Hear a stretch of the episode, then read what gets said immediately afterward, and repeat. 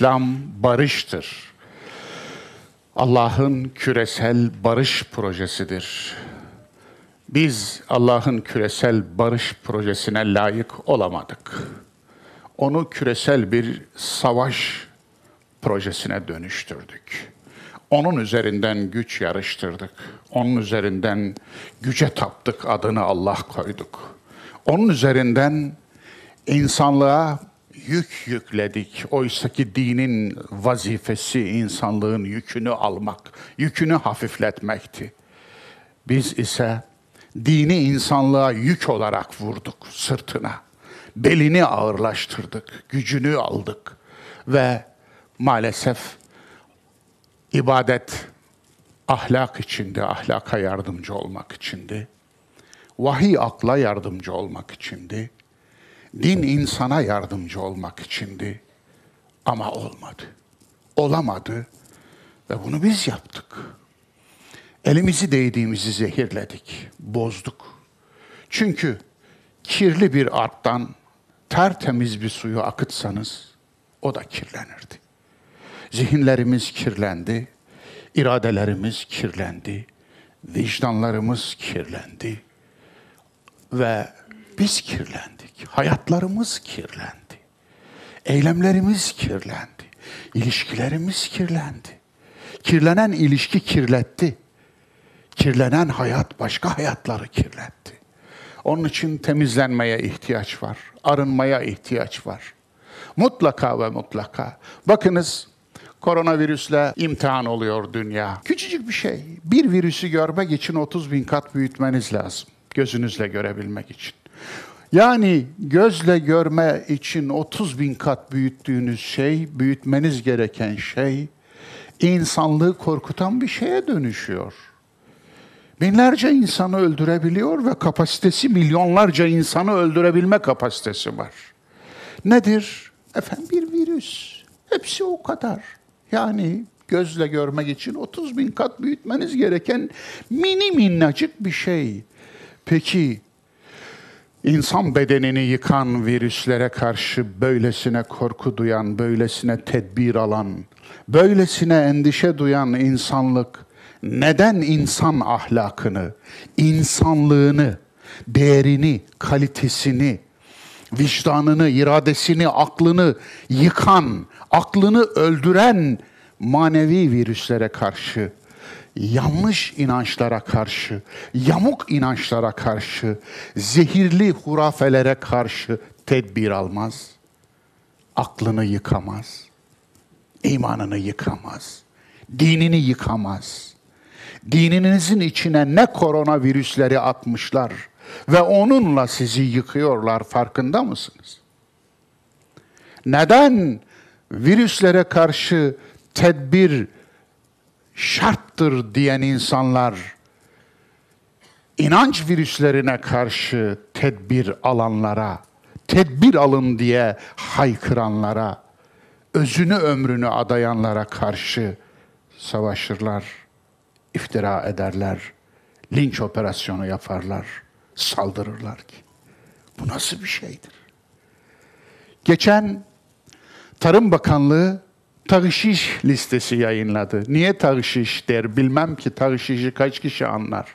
Hile demektir. Hileli gıda demektir. Niye hile deseniz ağzınız mı eğrilir? Anlamasın diye mi yapıyorsunuz? Neyse. Tağışiş listesi yapın, e, yayınladı. İçinizde görenler var mı?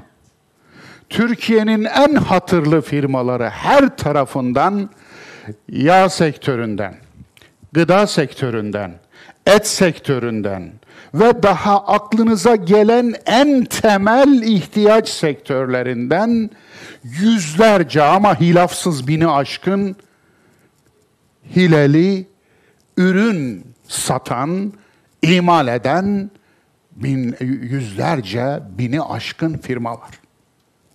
Peki bunları kim yiyor? Bu yağları kim yiyor? Bu etleri kim yiyor? Biz, bizler, bizlere yapıyorlar. Ve bunların içinde ben şunun yapılmasını isterdim. Kaçı namaz kılıyor? Bu firmaların sahiplerinin. Hemen hemen. Tahminim o. Tahminim o. Tahminim o. Çünkü iki namaz arasındaki günahlar affediliyor ya. Tabii. Nasılsa iki namaz arasında. Her halt iki namaz arasında. Ye. Evet ve yedir. Dolayısıyla tağşiş listesi yayınlıyorsunuz.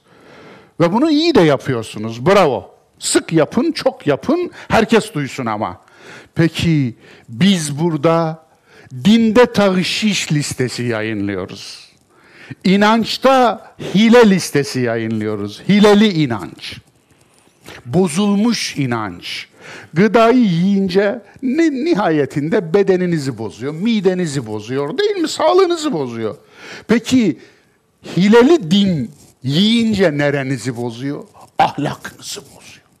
Davranışınızı bozuyor. insanı bozuyor. Toplumunuzu bozuyor. Bizi, sizi bozuyor. Dünyayı bozuyor. Farkında mısınız? Peki biz bunun listesini yayınlayınca neden alnınızı çatıyorsunuz, kaşınızı çatıyorsunuz, alnınızı kırıştırıyorsunuz? Neden hoşunuza gitmiyor? Evet. Bugün 8 Mart 2020 29. derste beraberiz hamdolsun. Kur'an'ın hayat yolculuğu dersi devam ediyor. Biz de Kur'an'ın yolculuğuyla beraber yolculuğa devam ediyoruz. Konumuz Nüzul'de 11. sure olan Fecr suresi. Ve tabii birinci ders, bir de ikincisi olacağı gözüküyor. Toplumsal çürümeye tutulan vahiy ışığı. İlginç. Surenin ismi Fecr. Fecr ne demek? Gün doğumu. Gün doğumu suresinde neden toplumsal çürümeye tutulan vahiy ışığı? Gün doğumu suresi. İlk beş ayet yemin. Yani şahitlik, tanıklık. Ondan sonra gelen ayetler helak olan kavimler. Birinci at kavmi, ikinci at kavmi, Semud kavmi ve Firavun. Ondan sonra insanların ve insanlığın temel problemi olan zayıflarına ezme, zayıflarına bakmama, zayıflarını bastırma, yetimi, yoksulu, açı, öksüzü korumama, onlara paylaşmama. Allah Allah. Fecir diye bir sure var, konusu bunlar. İlginç gelmedi mi size? Onun için dedim, tavşana tutulan far koymuştum, sildim geri bunu yazdım başlık olarak. Tavşana tutulan far nedir?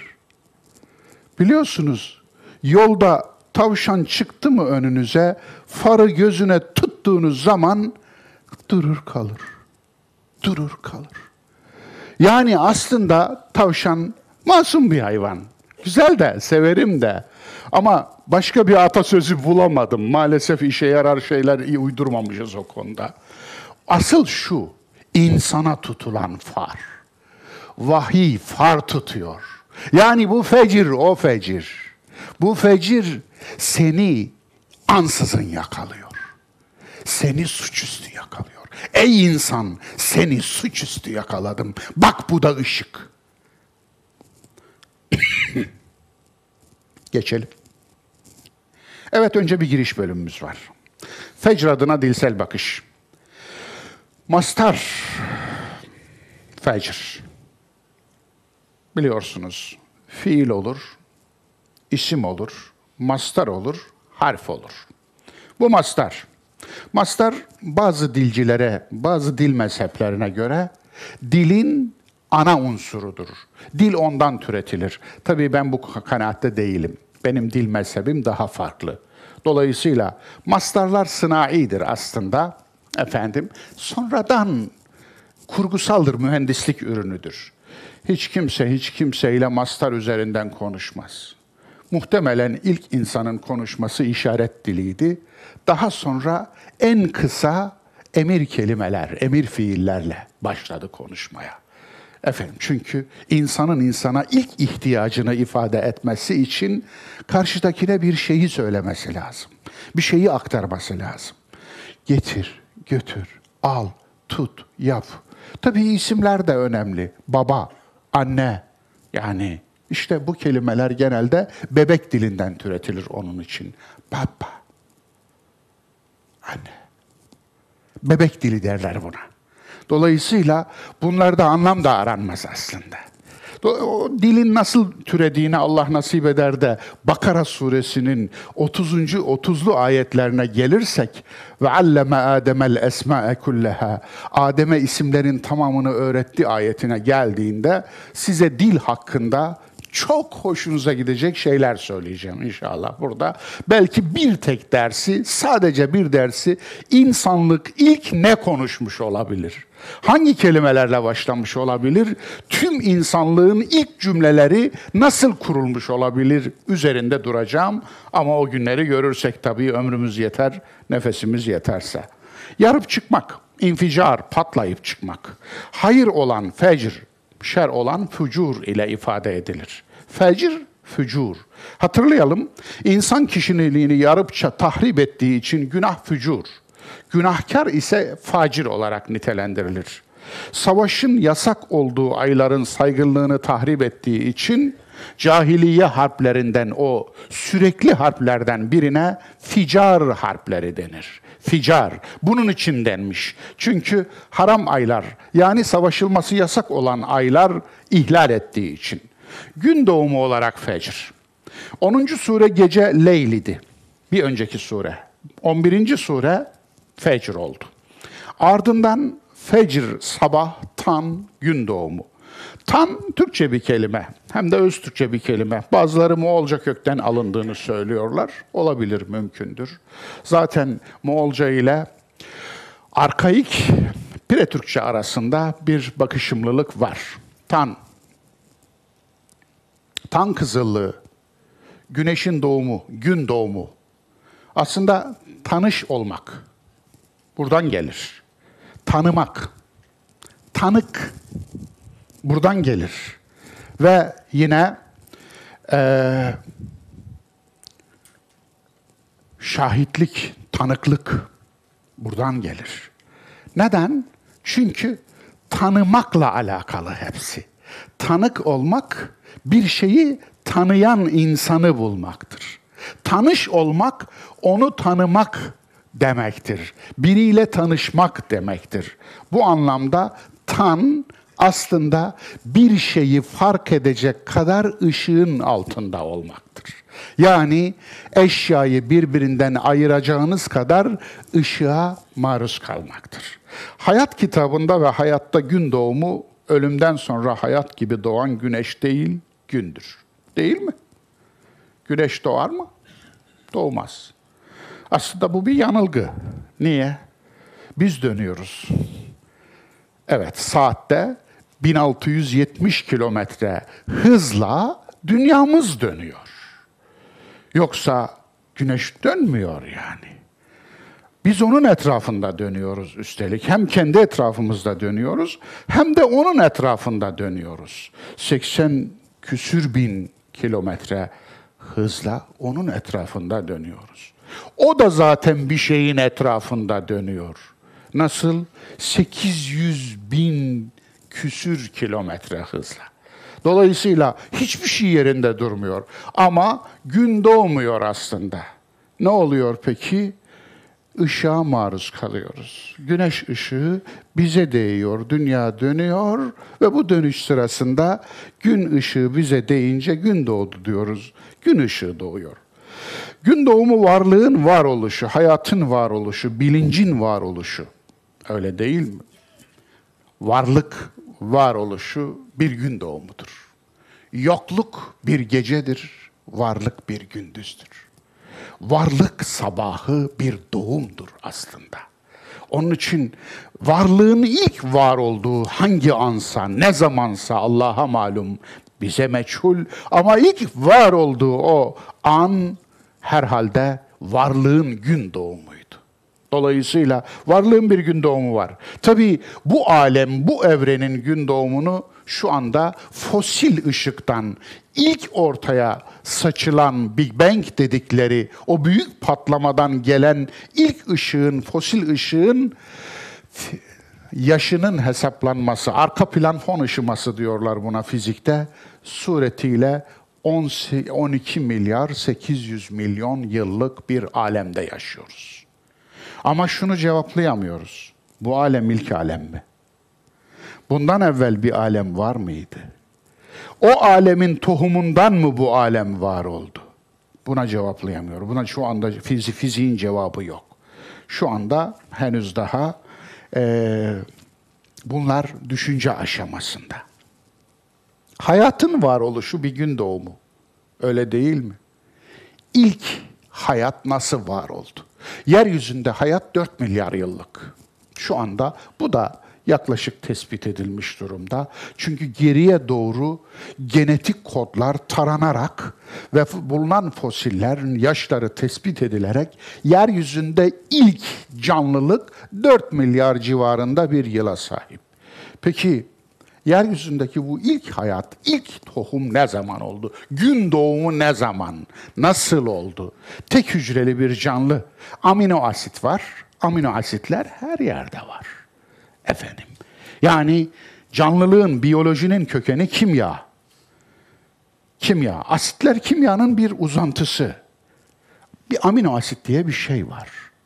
Ve amino asitten RNA diye bir ortaya molekül çıkıyor. RNA, ribonükleik asit. Nedir bu? Aslında yarım merdiven. Yarım merdiven. Dört tane, hatta beş tane baz var, asit bazı. Efendim, adenin, timin, guanin, sitozin ve urasil. Beş tane ana şeyden koddan, tuğladan tüm kainattaki canlılık yapılıyor. Tüm dünyadaki şu ana kadar gelmiş geçmiş solucanlardan insanlara, fiillerden sirke sineklerine, mikroplardan virüslere kadar hepsi hepsi bu beş kodla. Hepsi ama. Hiç istisnası yok. Çok ilginç gelmiyor mu size? Allahu Ekber demiyor musunuz? Dolayısıyla amino asit nasıl oluyor da ilk RNA'yı üretiyor? Evet, ondan sonra DNA. Deoksiribonükleik asit. Yani çift. Merdiveni hatırlıyorsunuz değil mi? Merdiven sarmalı. O işte. Dolayısıyla o da bir gün doğumu biliyor musunuz? Bilincin varoluşu. Evet, canlılık tarihinde, varlık tarihinde bilinç bir gün doğumudur hayvanlar olur. Şu anda yaşayan hayvan sayısı yaklaşık 17-18 milyon civarında. Ama unutmayın son yok, yok oluşta %99'u canlıların yok olmuş.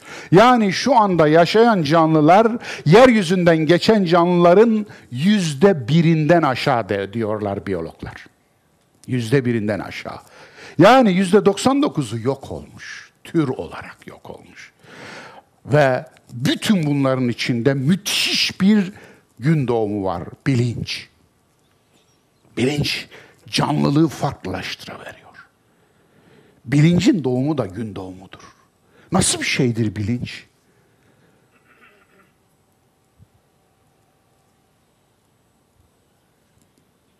Maymunların taklidiyle alakası yok.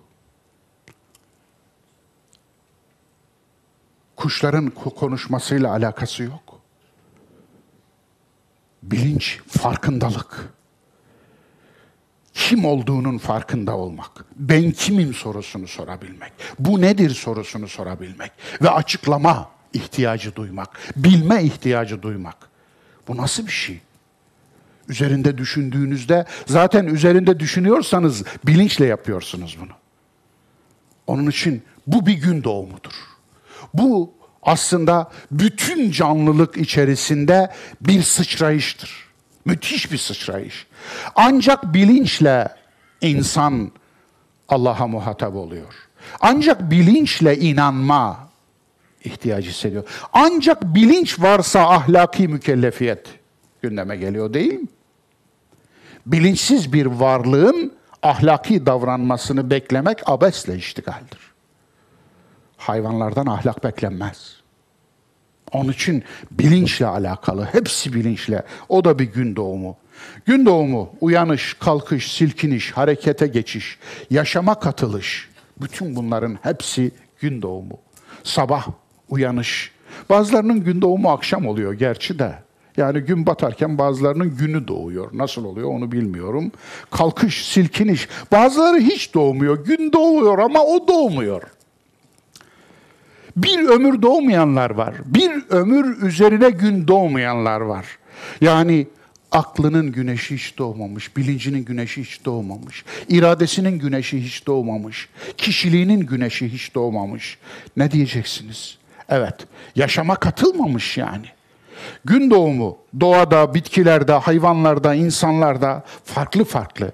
Gün doğumu beyinde, bilinçte, akılda, iradede. Gün doğumu cahiliye gecesini yaşayan toplumlarda gerçeğin fer, fecri. Evet. Gerçeğin doğumu. İnsanda da öyle değil mi? Aslında hidayet dediği şey nedir Kur'an'ın? Bir gün doğumudur bana sorarsanız. Öyle değil mi? Yani içinizden aydınlanıyorsunuz. İçinden aydınlanamayan dışını aydınlatamaz. Evet. Herkese güzel gün doğumları dilerim. Fecr suresinin konusu bir toplum profili. Nimetle şımarmış bir toplum düşünün. Nimetle. Nimet azgını deniyor buna. Yani yokluğu bir bela, varlığı bin bela olur nimetle şımarmış bir toplumda. Elindekileri paylaşmayan bir toplum düşünün. Neden paylaşacak? Çünkü emanet. Eğer paylaşmıyorsa mülkiyet zannediyordur. Benim. Senin mi? Değil. Neden? Çünkü ölünce götüremiyorsun. Neden? Çünkü sen senin değilsin. Duran kalbini çalıştıramıyorsun. Neden? Çünkü sana verildi. Emanet. Bir sınav. Onun için paylaşmak zorundasın. Yetimi, öksüzü, açı, yoksulu gözetmeyen bir toplum düşünün. Yani ezilenleri, altta kalanları, alttakileri düşünmeyen, gözetmeyen bir toplum. Bu şu demektir, vicdansız bir toplum. Onun için içi kararmış ve dışını karartan bir toplum düşünün. İçi kararmış, karanlık bir içle dışını da karartıyor. İçi zehirlenmiş, zehirli bir bakışla başka baktığını da zehirliyor. İçi çürümüş, çürümüş bir içle değdiğini de çürütüyor. Böyle bir toplum düşünün. Dört tarihi örnek veriyor bu sure. At, Adı İrem, Semud ve Firavun. Işık tutulmuş tavşan davranışı demiştim geçiyorum. Varlık şahittir, sen de şahit ol. Evet, ikinci ana başlığımıza geçtik. Surenin ilk ayetleri bunlar. Vel fecr. Fecr tanık olsun, dile gelsin. Fecr. Tanık olsun, dile gelsin. Ve leyalin aşr. On gece tanık olsun, şahit olsun, dile gelsin. Ve şef'i vel vetr. Çift ve tek tanık olsun, dile gelsin. Ve leyli izâ yasr. Eyvallah. Gece tanık olsun, dile gelsin. Gece, yürüyen gece. Gündüze yürüyen gece. Yürüyen gece ama özellikle. Eyvallah. Seyri sefere çıkan gece. Tanık olsun, dile gelsin. Hel fi zâlike kasemul lezî hicr. Evet. Bunda taş gibi oturaklı bir aklı olanlar için bir ibret yok mudur? Yok mudur? Vardır. Bakalım. Bir, yarıp çıkaran sabah şahit olsun, tanık olsun, dile gelsin. Yokluğu yarıp varlığı çıkaran sabah diye anlayabiliriz bunu bir şekilde anlaması yok. Birçok şekilde anlaması var. Yokluğu çıkarıp varlığı. Evet yokluğun içinden varlığın çıkması bir sabahtır. Dolayısıyla Türkçe'de aslında farklı farklı kelimeler kullanıyoruz. gün doğumu için neler kullanıyoruz? Evet, tan kullanıyoruz. Şafak kullanıyoruz. Sabah kullanıyoruz. Fecr kullanıyoruz. Farkında mısınız? Fecr surenin adı. Bunlara geçeceğim. Ama fecr aslında güneş görünmeden evvel güneşin habercisi olan ışıklara denir. Fecri sadık, fecri kazip denir onun için. Fecri sadık nedir? Fecri kazip nedir? Fecri kazip şöylesine bir ışık belirir ve kaybolur. Yani daha sonra o ışık kaybolur. Dolayısıyla yani bizim sahur yaptığımız zamanlar. Ondan sonra fecr sadık. Fecr sadık ise doğudan batıya doğru yani doğu tarafında şöyle yatayına bir ışık belirir. Ona fecr sadık derler. Dolayısıyla o fecirle sabah namazının vaktine girmiş oluruz. Onun için fecir bu. Yani güneşin kendisi görünmeden habercisi olan ışıkları. Güneşi haber veren ışıklar. Peki tan gün doğumu işte Türkçe'de kullandığımız kelimeler şafak ne? En yanlış kullanılan şafak. Ama oturmuş galatı meşhur. Şafak akşamın kızıllığıdır. Evet. Şafak akşamın kızıllığıdır. Hatta deyim olarak yerleşmiş olan şey çok güzel verir bunu. Bir tokat aşk ettim şafağı attı. Niye şafak attı? Aslında şafak attı demek uyandı ama iş işten geçti. Çünkü akşama giren kızıllık. Güneş batıyor zaten. Dolayısıyla gün bitti. Uyandı ama işe yaramayacak demek. Ama bizde e, şafak nedense sabah. Sabah ne peki? Evet. Sabah gün ile beraber tüm sabah yani kuşluğa kadar olan, fecirden kuşluğa kadar olan o zamanların hepsini kapsar. Aslında sabah Arap coğrafyasında en tatlı yelin estiği yani ısı değişikliği, çöl düşünün. Çölde gece soğuk, serin, gündüz çok sıcaktır. Gecenin serinliği bitip gündüzün sıcaklığı başlayınca ısı değişiminden mütevellit bir rüzgar hareketi oluşur. Bu rüzgara Arap bayılır.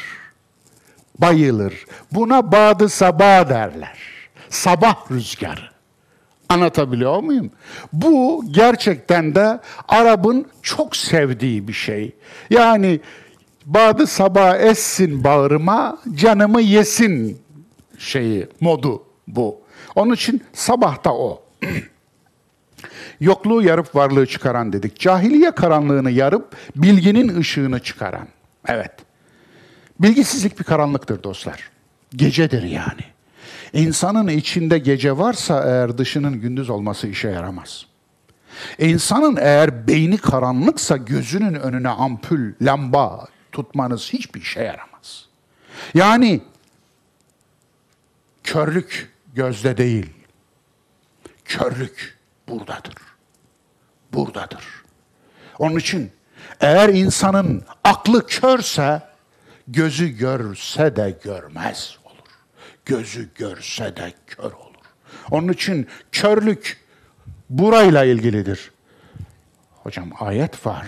Ma ta'mel ebsar velakin ta'mel gulubul leti fis sudur. La ta'mel ebsar. Gözler kör olmaz. Asıl kör olanlar sadırlardaki kalplerdir.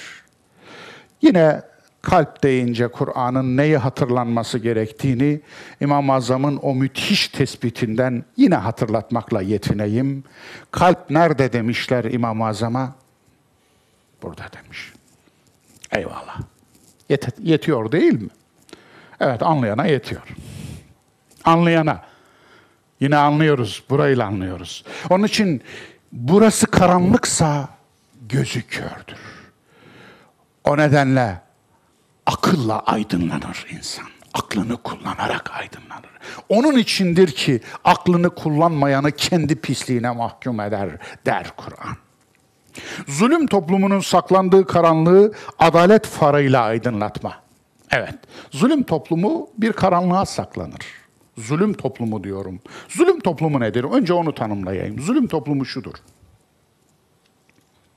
İçindeki zalimlerin zulmüne tepki göstermeyen toplum zulüm toplumudur. Hep beraber birey birey zulmetmesi gerekmiyor. Zulme sessiz kalması ve kabullenmesi bir toplumu zulüm toplumu olmaya yeter. Onun için zulme sessiz kalan toplum zulüm toplumudur. Onların saklandığı karanlıktır. Neden? İnsanoğlu aslında vicdan sahibi bir varlıktır ve hiçbir vicdan kötü değildir. Vicdan fıtrattır. Fıtratın insandaki yansımasına vicdan diyoruz. Fıtratın aktif haline vicdan diyoruz. Vicdan yalan söylemez. Vicdan herkeste var. Musa'da olduğu gibi Firavun'da da var. İbrahim'de olduğu gibi Nemrut'ta da var. Herkeste var. Hitler'de de vardı. Şunda da bunda da vardı. Ama peki ne yaptılar? Zulmedenler nasıl yaptılar? Nasıl ettiler? Cani nasıl yapar da cinayet işler? Vicdanının üstünü örter. Onun için biz birine vicdansız dediğimizde mecazen kullanmış oluruz. Vicdanı yok anlamına gelmez. Vicdanını kullanmıyor anlamına gelir. Vicdanını örtmüş anlamına gelir. Vicdanının sesini duymuyor anlamına gelir. Dolayısıyla vicdansız demek pasif demektir. Vicdanı pasif, aktif vicdan olursa vicdan olur. Tıpkı akıl gibi, tıpkı irade gibi. Bunların üçü de pasif olunca yok sayılır. Aktif olunca var sayılır. Akıl, irade, vicdan. Adalet bir fardır. Zulüm karanlığını aydınlatır. Onun için adaletin aydınlığına çıkarmazsa toplumu eğer vicdanı o zaman vicdanlar körelir, vicdanlar yok olur. Ve bu vicdansızlık o toplumu bir helak toplumu yapar. Örneklerini göreceğiz. Hayatı cehennem karanlığına çevirenleri hesap gününün aydınlığında yargılayan. Evet, yarıp çıkaran demiştik değil mi? Fecr sabah yarıp çıkaran sabah, hayatı cehennem karanlığına çevirenleri hesap gününün aydınlığında yargılayan bir sabah. Hesap günü bir sabahtır, fecirdir. Fecir suresi aynı zamanda hesap günü suresidir. Nedir bu?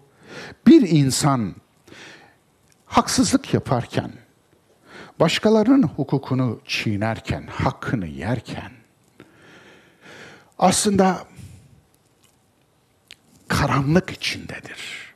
Çünkü kendi yaptıklarını yargılamıyor, muhasebesini tutmuyor demektir. Ama bu insan hesap gününde Allah'ın farına yakalanacak. Fara yakalanmış tavşan gibi. Niye? Suçüstü. Çünkü şahitliklerle başlıyoruz bakınız, tanıklıklarla. Yani ey insan Allah'tan kaçamazsın. Eynel mefer. Nereye kaçmalı? Fefirru ilallah. Allah'a kaç. Allah'tan kaçamaz. Onun için hesap günü bilinci insandaki vicdanın en aktif bir biçimidir. Hesap günü bilinci. Nedir o? Her an hesabını verme bilinciyle hareket etmek. Aslında takvanın bir tarifi de budur biliyor musunuz? hesabı verilebilecek bir bilinç, hesabı verilebilecek bir hayat yaşamak. Takva. Hesabı verilebilecek bir hayat yaşayan insan aslında hesap vermek için mahşeri beklemez, kıyameti beklemez. Hesabı bugün verir. Tarifsiz on gece şahit olsun. Evet, ikinci tanıklık, ikinci ayet. Tarifsiz on gece dedim. Neden? Evet, vel fecr ve leyalin aş. Leyal, leyl gece, leyal çoğul. Geceler. Ama ge- leyalin geldi. Tarifsiz. Yani ne yok? El leyal gelmedi. Onun için orada el takısı yok. Lamı tarif yok. Leyalin. Ben onu tarifsiz diye meale aktardım. Meale onu bizzat aktardım. Tarifsiz on gece. Evet. Nedir bu? Varlığın bilincimize karanlık olan öncesi veya ilk anları. Bir, bir ihtimal bu. Evet. Varlığın bilincimize karanlık olan öncesi veya ilk anları. Bütün bir kainat, bütün bir varlığın yaratıldığı an. Veya o andan hemen öncesi. Evet, varlığın gecesi. İlk gecesi, ilk anları. Çünkü buradaki efendim veleyalin aşr. On, aşr on. Efendim. Ama ne? On ne? On gün mü? On ay mı? On yıl mı? On dehr mi? On asır mı? On milyar yıl mı? On trilyon yıl mı? Nedir? Bilmiyoruz. Dolayısıyla burada aslında çok da böyle mıncıklamaya gerek yok. Bilmediğimiz, bize karanlık olan o her şeyin ilk karanlık anı. Varlığın zaten var olduktan sonraki astrofizikte özellikle kozmogoni derler, evren doğum. Bu bir bilimdir. Kozmogoni, evren doğum. Evren doğumda varlığın, kainatın ilk var olduğu anın ilk dönemine Planck dönemi deniyor. Planck dönemi. Planck döneminin matematiksel olarak dahi başladığı bir nokta var. Yani fizik ulaşamıyor, matematik de ancak bir noktada ulaşıyor. Matematiğin ulaştığı Planck isimli bir bilim adamı bunu tespit etmiş, hesaplamış da onun için adını koymuşlar. Nedir bu? 10 üzeri eksi 43. Şu. Onun birin arkasına 43 tane sıfır atacaksın. Bir saniyeyi birin arkasına attığın 43'e böleceksin. Çünkü bu rakamın ismi yok da onun için. Yani sentrilyon diyemiyorum, katrilyon diyemiyorum, milyar diyemiyorum. Anlatabiliyor muyum? Dolayısıyla bir saniyeyi arkasına 43 sıfır attığınız bir şeye böleceksiniz. Ne çıkar?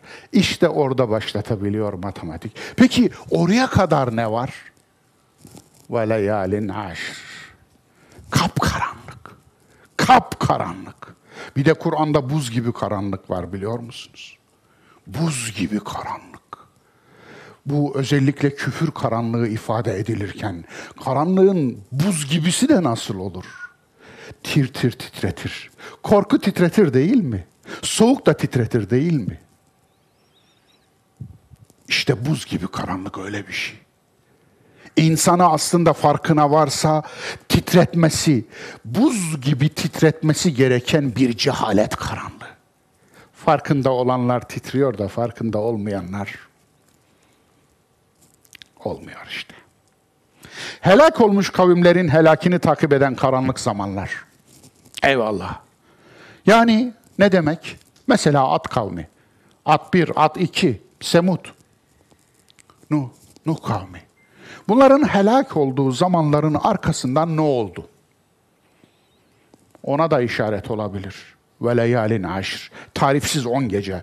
Bu şahit olsun. Yine bir başka ihtimal, Kur'an'ın indiği geceyi içinde barındıran on gece. Bu da bir ihtimal. Nedir o? Kur'an'ın ilk inmeye başladığı, Allah Resulü'nün Hira'ya çıktığı o ilk on gece. Ki o on geceyi aslında aslında Ramazan'ın son 10 geceleri temsil ediyor malumunuz. Ama bu sabit bir 10 gece olsa zaten ay takvimi değil güneş takvimi olurdu değil mi? Yani yılda sabit günlerde gelirdi ama değil işte ay takvimi geziyor, güneş takvimi sabit. Ramazan her yıl bir önceki yıldan 10 gün sonra geliyor. Önce geliyor affedersiniz. Niye? Çünkü geziyor. Onun içinde sabit takvim değil. O nedenle diyemiyoruz ki yani Kur'an'da geçen herhangi bir zamana ilişkin, neye ilişkin mesela? Kadir Gecesi. Kadir Gecesi yılın şu günüydü. Onu bilmez mi Allah Resulü? Kendisine vahiy geldiği günü unutmuş olabilir mi? Unutmuş olamaz. O zaman peki niye söylemiyor? Çünkü o değil maksat. Çünkü o değil. Kur'an'ın sana nazil olduğu gece, Kur'an'ın sana nazil olduğu gündüz senin Kadir gecendir. Evet. Üçüncüsü, çift ve tek şahit olsun. Çift şef, yaratılan mahlukatın çift kutuplu tabiatı, zıtlar veya çiftler. Evet, mahlukatın zıt kutuplu tabiatı dedim. Varlık tamamıyla zıtlar ve çiftler üzerinden yaratılmıştır. Bakın, matematikte tekli ve çiftli sayılar var. Eyvallah. Bir tekli sayı, iki çiftli sayı, üç tekli sayı, dört çiftli sayı böyle gider. Fizikte proton ve nötron. Bakınız, bütün atomlar bu iki temel unsur üzerine bina edilirler. Atomun çekirdeği iki şeyden oluşur. Proton ve nötron. Yani sıfır yüklü, artı yüklü. Bu. Bu ikisi olmazsa atomun çekirdeği olmaz. Atomun çekirdeği bir arada durmaz. Dijital dünyada sıfır ve bir. Buyurun. Şu seyrettiğiniz tüm filmler, yazdığınız tüm yazılar, bilgisayarınızdaki veya cep telefonunuzdaki tüm resimler, tüm dijital dünya sıfır ve bir kodu üzerinden çalışır. Şimdi kuantum bilgisayar geliyor. Zannediyor musunuz ki kuantum bilgisayarda bit yerine kübit olunca sistem değişiyor? Hayır, hayır, hayır değişmiyor. Yine temel sıfır ve bir. Ama o sıfır ve birin her tarafından fışkırıyor tabiri caizse. Yani birçok bağlantı kuruyor sıfır ve bir. Öbüründe tek bağlantı kuruyordu. Efendim kuantum bilgisayarda çok bağlantı kuruyor. Fark o. Evet, gende RNA ve DNA. Evet. Buyurun. Yani merdivenin teki, tek ayağı, merdivenin çift ayağı. Dolayısıyla o sarmalığı hatırlayalım daima. Biyolojide öyle değil mi? X ve Y. Evet, nedir? 46 kromozomumuz var. 23'ü anneden, 23'ü babadan. 23'ü Y imzalı, 23'ü X imzalı. Buyurun Dolayısıyla bütün bütün bütün canlılar özellikle tek hücreli değil efendim çift hücreli, çok hücreli canlılar böyle kodlanmış. Bu bir kod. Psikolojide bilinç ve bilinçaltı. Hatta hatta nörolojide üst beyin, alt beyin. Onu da böyle kodlayabiliriz. Sosyolojide diyalektik, tez, antitez. Politikada iktidar ve muhalefet. Evet, gördüğünüz gibi her şeyde ama her şeyde çift. Yani ya karşıt kutup, ya zıt kutup, ya eşlilik, ya zıtlılık. Tek ne peki? Tek tektir. Tek ne? Kul huvallahu ahad. Tek olan tektir. Tek olan tektir. O da Allah'tır. Eyvah Allah şahit midir? Bitti. Şahittir. Dört, sabaha yürüyen gece şahit olsun. Teselli ayeti bu. Karanlıktan, zulümden, yobazlıktan, haksızlıktan. Evet. Buna karşı teselli. Sabaha yürüyen gece şahit olsun. Kötülükten, hastalıktan, parasızlıktan, boştan, umutsuzluktan, yalnızlıktan yıldınsa bu ayeti hatırla. Evet. Kara gün kararıp kalmaz. Hemen Allah de Allah de. Hangi akşam sabah olmaz. İnan. Allah de Allah de. İçin doluysa derd ile, buruşmasın yüzün bile. Yoktur dolmayacak çile. Dayan. Allah de. Allah de. Demiş ya Ozan, ne güzel demiş. Onun için boşlusun, dertlisin. Hastalıkla mücadele ediyorsun. Bir acın var kimselere diyemiyorsun. Sadece Rabbinle paylaşıyorsun. Dertsiz adam yoktur, varsa da adam değildir. Dolayısıyla herkesin bir derdi var. Dışarıdan imrendiklerinizin de bir derdi var. Hatta dışarıdan imrendikleriniz dertlerini saysaydı eğer dertlerin de senin olsun, gördüklerin de senin olsun der, selam der giderdi. Onun için yok, kimsenin kimseye imrenecek bir durumu yok kim bilir ne derdi var demeyi bilelim. En azından bunu bilelim. Dertlere saygı duyalım. Dertlere derman olamıyorsak bari saygı duyalım. Onun için insanların en şerlisi, en ahlaksızı başkalarının acısıyla dalga geçendir. İnsanların en haysiyetsizi başkalarının acısından zevk alandır. Bu hayvandan daha aşağı bir türdür. Başkalarının acısından zevk almak insanoğlunun düşebileceği en derin çukurdur. Onun için sınav hepimiz için ve sınanıyorsunuz. Hiç kimselere söyleyemiyorsunuz. Ne yapacaksınız? Bir tek şeyi bileceksiniz. Her gece iki gündüz arasındadır. Her gece iki gündüz arasındadır. Unutma, hiçbir gece kalıcı değildir. Her gece yolcudur, geceler de yürür. Evet. Geceler de yürür. Nereye yürür? Sabaha. Zira her gece iki gündüz arasındadır. Herkes mi şahit olur? Evet ya. Hayır sadece taş gibi sağlam bir aklı olanlar şahit olur. Harika bir ayet. Hel fi zâlike kasemul lizî hicr. İşte bu ayet. Fecr 5. Hicr. Ne demek? Hacer taş demek. Hacer taş demek. Bildiğiniz taş Arapçada hacerdir. Hacerül esvet. Kara taş. Peki ne geziyor? Burada bakınız akıl gelmiyor. Taakkul gelmiyor. Fuat gelmiyor. İrade gelmiyor. Hicr diye bir kelime geliyor.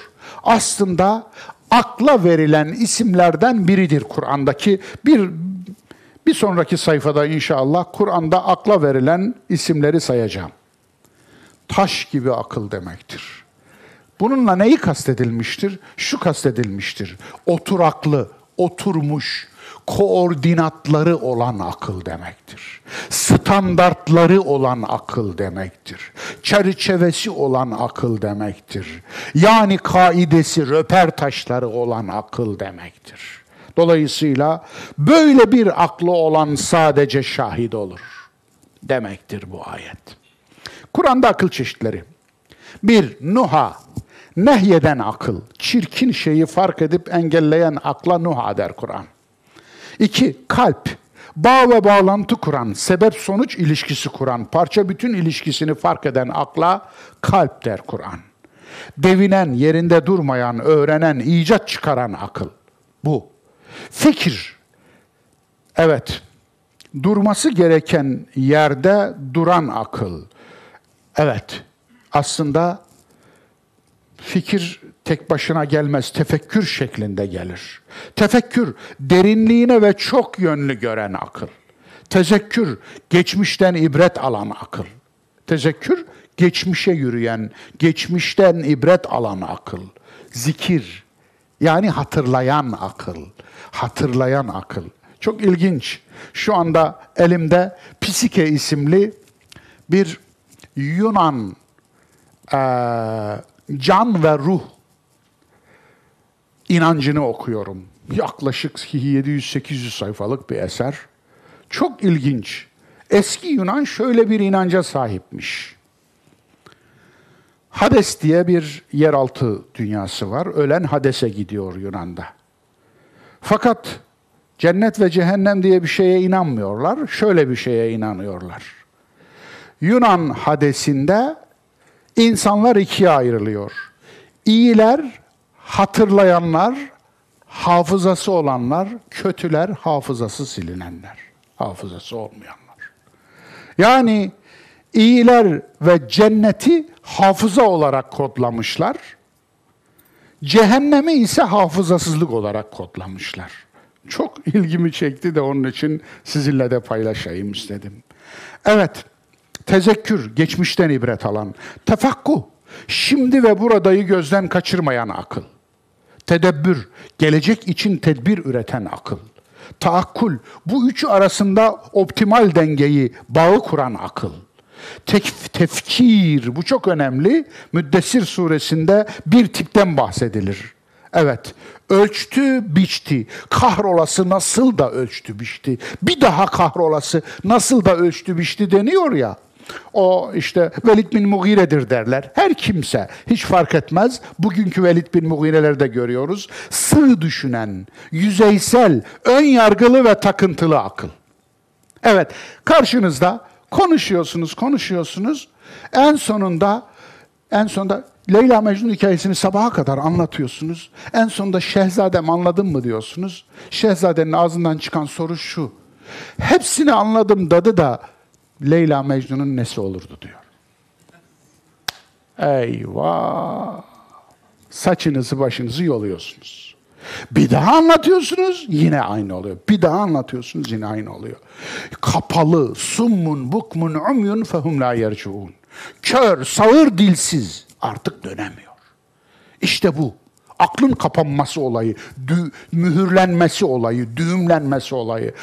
Allah hiç kimseye vermesin. Allah vermez aslında insan kendi kendisine böyle bir şeye talip olur.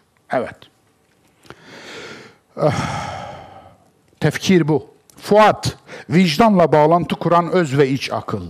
Hicr, taş, kaya gibi sağlam ve oturaklı, sabiteleri ve ilkeleri olan akıl. İşte ayetteki bu. Soru, tanıklığı hakkıyla kim yapar? Cevap, taş gibi oturaklı, sabiteleri ve ilkeleri olan bir akıl yapar. Şahit olmak da, şahit olmak da akılla, olunmak da akılla ilgilidir. Aklı olmayanın dini yoktur. La akle lehu ve la dine leh. Helak olan kavimler üzerinden verilen mesaj. İniş sürecinin ilk ibretlikleri. Evet, buyurun. Nedir bu? Kur'an'ın iniş sürecinde ilk defa helak olan kavimlerin isimleri geliyor dostlar. Bu çok önemli. Unutmayalım 22 yerde adı ula ve adı sani birlik ya bunlar birlikte geçer affedersiniz. At ve semut birlikte geçer. Kur'an'da 22 yerde. 22 yerde. Ama burada ilk defa geliyor ve ilk defa helak olan kavimlerden söz açıyor. Helak olan kavimler var. Tamam, biliyoruz. Önce bunların isimlerini bilelim. Bir ihtilaf var. Tam olarak nokta koymak bence mümkün değil. Ama benim görüşüm belli. İki tane mi at var, tek mi at var? At kavmi. Yani ben diyorum ki iki at var. Semud üçüncüsü. Yani adı İrem diye bir şey de geçiyor Kur'an'da. Dolayısıyla adı İrem birinci adın arkasından gelen ikinci ad. Dolayısıyla ben iki ad var diyenlerdenim. Yok adı İrem birinci adın sıfatı diyenler de var. Ona da bir şey diyemeyiz tabii. O da doğru olabilir. Benimki yorum, o da yorum. Eyvallah. Adı Ula, Hud Nebi'nin kavmi. Yani birinci ad. Dönemi bilinmiyor. Dönemi ne olmuş olabilir? Benim bir tahminim var. Yani şunu söyleyeyim. Kur'an fizik, kimya, biyoloji kitabı olmadığı gibi tarih kitabı da değil. Yani tarihteki uygarlıkların tarihi Kur'an'dan öğrenilmez. Tıpkı deve Kur'an'dan öğrenilmediği, yer gök Kur'an'dan öğrenilmediği, insanın yaratılışı Kur'an'dan öğrenilmediği gibi. Evet, Gafir suresi 17, 18, 19, 20 orada, Ankebut 20 orada. Bunlar tabiattan öğrenilir. Allah'ın tabiat ayetlerinden öğrenilir. Tarih de tarihten öğrenilir. Kur'an tarih öğretmek için inmedi. Kur'an rehberlik için, hidayet için indi. Bunu bir biliyoruz. Bunu bir hatırlatmam lazım. Her seferinde de hatırlatacağım bunu. Yoksa ne yapıyoruz? Aa bu Kur'an'da da vardı. E bulaydınız. Bu doğru değil. Maskara oluyoruz. Ya niye Kur'an'da olsun ki? Anlatabiliyor muyum? Yani bir fiziki keşif oluyor. A bu Kur'an'da da vardı. Yapmayın. Bu olmak zorunda değil. Kur'an rehberlik için indi. Kur'an bizi daha iyi insan yapmak için indi. Kur'an, Kur'an bize sorumluluğumuzu hatırlatmak için indi. Fizik keşifleri yapalım, kimya keşifleri yapalım, biyoloji keşifleri yapalım diye değil. Onun için yani ma caveze haddehu ingalebe dıddahu. Bir şey haddi tecavüz ederse zıttına inkılap eder, zıttına dönüşür. Bunu yapmamak lazım. Dolayısıyla bu, bu kavimlerin ille de tarihini Kur'an'dan öğrenmek gibi bir şeyimiz yok. Ama bu kavimler var. Nasıl olmuş olabilir? Nuh tufanı belirleyici bir olay. Yani dünyada tufanlar var, bir tufan yok. Tüm buz çağlarının bitimi tufanla sonuçlanır. Dünyada kaç buz çağı yaşandı bilinmiyor. Şu andaki döngü yaklaşık 70 bin yıllık bir döngü. Son buz çağının bitişi 13 bin yıl evvel oldu. 13 bin yıl evvel İstanbul Boğazı yoktu, vadiydi. Karşıdan karşıya yürüyerek geçiliyordu. Çanakkale Boğazı yoktu, vadiydi. Marmara Denizi yoktu, Marmara Gölü vardı. 15 bin yıl öncesinin katmanına ulaştıklarında özellikle metro çalışmaları sırasında tatlı su balığı fosilleri buldular. Hiç garip değil çünkü tatlı su gölüydü. Daha sonra ne oldu? Daha sonra son buz çağıyla birlikte buz takkeleri eridi Kuzey Kutbu'ndaki ve dünyayı su bastı. Ve sular yükseldi. 100 metreye kadar hatta 130 metreye kadar yükseldi. Aynısı Kızıldeniz için de geçerli. Dolayısıyla bu sadece bir tanesi. Ama asıl tufanın sebebi olarak son keşfettiğim şey Hint Okyanusu'nda Madagaskar açıkları adası açıklarında 5 kilometre çapında bir göktaşının düşmesi olarak gösteriliyor ki bu Kur'an'ın bahsettiği tufanla aynı zamana denk düşüyor. Dolayısıyla Ad kavminin belki de felaketleri tetikleyen o göçler de öyle başladı. Ad-ı Ula'nın yeri neresi? Hadramevt. Yani Güney Arabistan. Arabistan Yarımadası'nın Hint okyanusuna bakan kıyıları. Birazdan haritayı getireceğim. Evet, adı Sani Ondan sonra onlar göç etmişler. Daha batıya doğru gelmişler yine deniz kıyısı boyunca. O da adı İrem. Ondan sonra evet. Yeri Güney Arabistan'ın orta bölümü Hadramevt. Kalıntı var. Burası dostlar. Gördüğünüz gibi bu bölgede kalıntılar çıktı. 12 ila 18 metre kumun altından burada sütunlar çıktı. Kalıntı. O dönemden kalmamı bilmiyoruz. Bizde arkeoloji yoktur. Maalesef. Aslında vardır. Olmaz olur mu? Ta Zünnun Mısri Mısır hierogliflerini okumak için taş söktü ta bundan 800-900 sene evvel bir İslam alimi dört ciltlik El İklil isimli bir arkeoloji kitabı yazdı.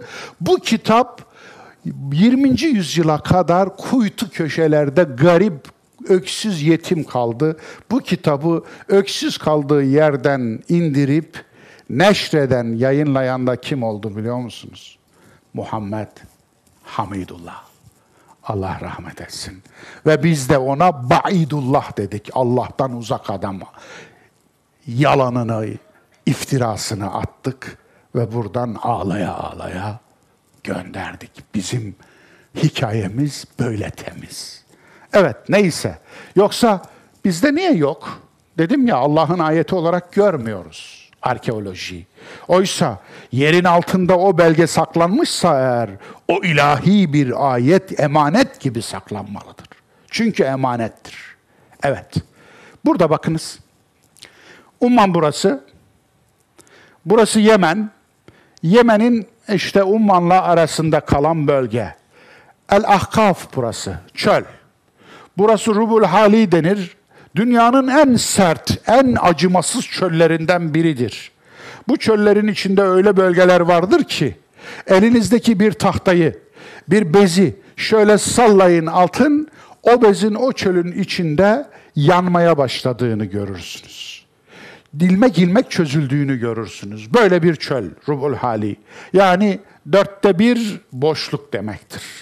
Rub, dört, dörtte bir hali boşluk demektir. Evet, ad burada. Buradan buraya gelmişler, buradan ve buraya gelmişler. Semud olmuş buraya gelince.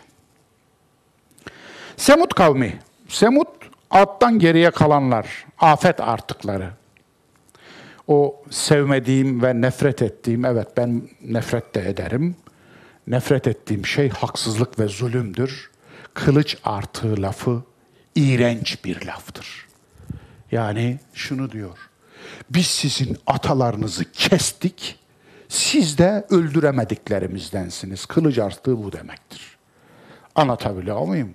Bu iğrenç bir laftır. Umarım kimse etmez bunu. Ama afet artıkları, afetten geriye kalanlar, Semud kavmi. Geldikleri bölge Kuzey Arabistan'da Hicr bölgesi. Geldikleri, yerleştikleri bölge. Neresi Hicr? Bugün Medaini Salih isimli yer. Salih'in şehirleri demektir bu.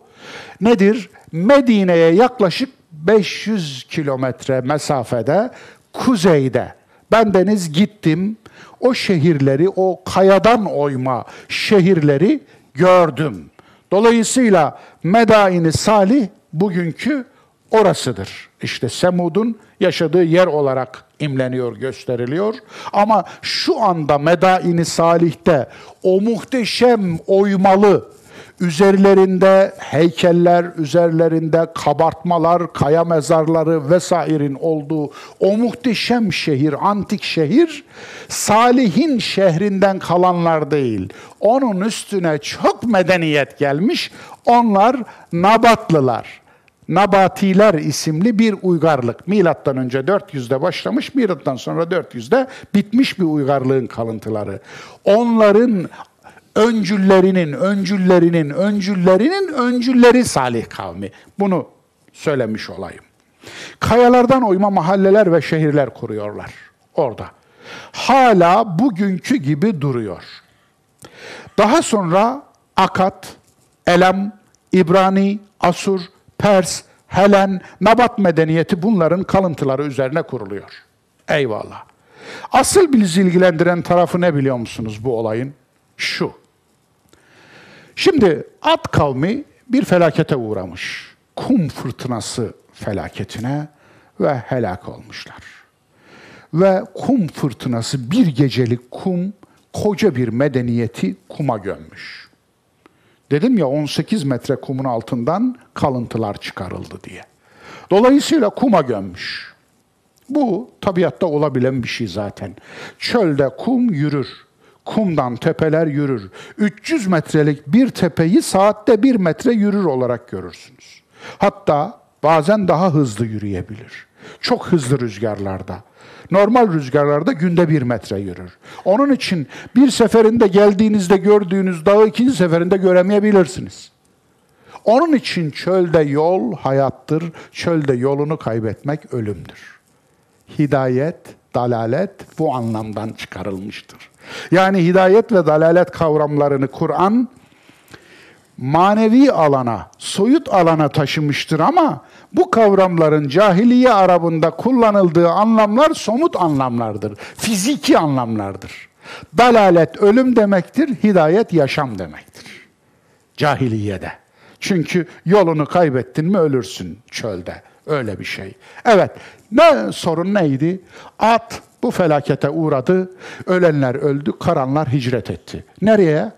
Hicre. Yani bugünkü Medaini Salihe, Kuzey Arabistan'da bir bölge. Oraya hicret etti. Niye hicret etti? Burada inşaat malzemesi zayıf, temel zayıf. Yani zemin zayıf. Zemin efendim çürük. Anlatabiliyor muyum? Zeytinburnu gibi demeyeyim değil mi? Zeytinburnu'nda dolgu da efendim ama Zeytinburnu'nda müteahhitlik yapan arkadaşlar bana kızmazlar değil mi? Hocam bina yapıyoruz, sattırmayacak mısın falan diye e, düşünmeyin. Zayıf yani, temeli zayıf. Yani altı kaya gibi üstü kaya, altı kaya üstü kaya gibi falan değil yani. Ne yapmışlar? Aysa ahlaksızlık etmişler, birbirine zulüm eden bir topluma dönüşmüşlerdi. Burada hiçbir problem görmüyorlar. Onun için zemin zayıftı diyorlar. Gelin zemini güçlü bir kente, yere göçelim. Nereye? İşte Hicr bölgesine göçelim, Taş bölgesine. Orada da zaten muhteşem bir tarım uygarlığı kuruyorlar. Nabatlılar, nebat oradan gelir, nebat bitki. Dolayısıyla tarım uygarlığı kuruyorlar. Az su ile cennet gibi bir bölge yeşertiyorlar orada. Müthiş. Semud az su demektir, az su. Ben gördüm, kuyular kazmışlar. 10 metre, 15 metre hilaf olmasın çapları var bu kuyuların. Bu kuyuların birini doldurun herhalde koca bir bölgeyi sular. Böylesine bir medeniyet kurmuşlar. Dolayısıyla ne olmuş peki? Orada da helak olmuşlar. Salih peygamberin kavmi bu. Yani şuydu, sorunları ahlaktı, ahlaki sorunları birbirine zulmeden bir toplum olmuşlardı. Bunu sorun olarak görmüyorlar ve bu taraflarını değiştirmiyorlar da yapı malzemesini ve zemini değiştiriyorlar. Bununla kurtulacaklarını sanıyorlar. Problem bu, bakış meselesi. Ahlakını değil, yapı malzemesini ve yeri değiştirdiler. Tabii akıbet değişmedi. Evet. Ve dünyaya kazık piramit çakan Firavun. Firavun cins isim. Büyük ev demektir aslında. Para, on. Büyük ev demektir. Yani Osmanlı'ya Babu Ali demek gibi. Büyük kapı anlamına gelir Babu Ali. Güneş tanrısı Ra'nın oğlu olarak biliniyordu Firavun. Tanrı veya Tanrı'nın oğlu olarak kutsanıyordu. Bazı dönemlerde dokunan hatta gören öldürülüyordu. Firavun'u gören öldürülüyordu. Çünkü kutsal görülmez, görüldüğünde ölünür. Milattan önce 3000 yılında başladı. Firavunlar dönemi Mısır'da neredeyse 3000 yıl sürdü. Kleopatra ve Marcus Antonius'un evliliğiyle Roma'ya iltihak etti. Buna Augustus eşiği denir. Çünkü İmparator Augustus zamanında olmuştu. E, milattan önce 36. yılda ve artık Mısır bitti. Roma'ya iltihak, ilhak oldu ve Roma yükselişe geçti. Roma onunla cumhuriyetten imparatorluğa döndü. Evet. Piramitler üzerinde verilen mesaj. Kula kul eden ve korku imparatorluğu kuran tiranlık. Piramitlere gidip gören var mı? Bir el, iki el, üç el. Evet. İçine giren var mı? Bir el, iki el, üç el. Evet, iyi. Yine de şu anda artık o imkanınız yok. Hiç kimse giden göremez. İçine girmek kesin yasaklandı. Dolayısıyla ben üç kere gittim, girdim Mısır'da okurken. Ha ben İran'da okumuşum, benim haberim yok bakın. Bu çok çok önemli. Kadir Mısıroğlu söyledi. İnanalım mı? Evet. Vah. Evet. Gerçekten acı nasılar. Gerçekten acı nasılar. Evet ben Mısır'da okudum. İran'da okusam İran'da derim. Efendim. Ben Şia'ymışım haberiniz var mı? Evet. Böyle. Durum böyle. Ne diyeyim? Söyleyecek hiçbir şey bulamıyorum. Allah sizi şöyle etsin diyemiyorum çünkü Allah kimseyi bir şey etmez. Siz olursunuz zaten belanız budur. Yeter bu size. Bu size yeter. Evet, piramitlerin içine gidip görenler bilirler. O piramitleri görenler bilirler. 3 milyon tane o taş, 3 tondur her biri o taşların. Efendim, 3 tane piramit. Yüzlerce piramit var bölgede. Karnak'ta var, Luxor'da var, diğerlerinde var. Evet. Peki nasıl oldu bu? On binlerce insanın alın teriyle ve emeğiyle. Bir gün piramitleri geziyorum yine. Böyle bir Mısırlı çocuk. Şimdi piramitleri geziyor. Aynı zamanda da diliyle dişinin arasında Allahu yahrib beytek ya firavun, Allahu yahrib beytek ya firavun diyor. Efendim çok ilgimi çekti. Şöyle baktım. Allah evini yıksın Firavun, Allah evini yıksın Firavun diye geziyor piramitleri. Şimdi bu bir bilinçtir. Bu piramitlere tamam bir bakışta işte bakarsınız ya büyük yapıtlar gerçekten de çok efendim muazzam yapıtlar. İnsanlık tarihinde gerçekten de dönüm noktaları. Peki bir gözünüzle böyle bakarken öbür gözünüzün de şunu görmesi gerekmiyor mu? Bu hakikat cana mal oldu. Bu nasıl bir zulmün eseri? Eğer iki gözünüz de aynı yerden bakıyorsa bu biraz yamuk bir bakış olmuyor mu? Anlatabiliyor muyum? Yani on binlerce insanın canı, emeği, alın teri orada heba edilmişse bunun hiç mi değeri yok sizin için? Evet. Bu görkemli eserler üzerinden saltanat süren zalimler. Nasıl bir şey? Çok ilginçtir. Piramitler bölgenin en yüksek yerine yapılmıştır. Bakınız Giza'dadır. Bölgenin en yüksek yeridir. Nemrut Dağı'nın tepesindeki mezarı gördünüz mü? Nemrut mezarını. Aslında o biliyorsunuz o bölgedeki kral mezarlarıdır. Onlar da en tepededir. Nemrutlar ve firavunlar eserlerini en yüksek yerlere yaparlar. Peygamberler eserlerini en çukur yerlere yaparlar. Kabe'ye bakın en çukurdadır. Dolayısıyla farkı fark edin. Evet, insan derisiyle kaplı anayasayı hatırladım. Nedir bu? Bu bir kitap ismi. Evet. Ve aynı zamanda da bir vaka.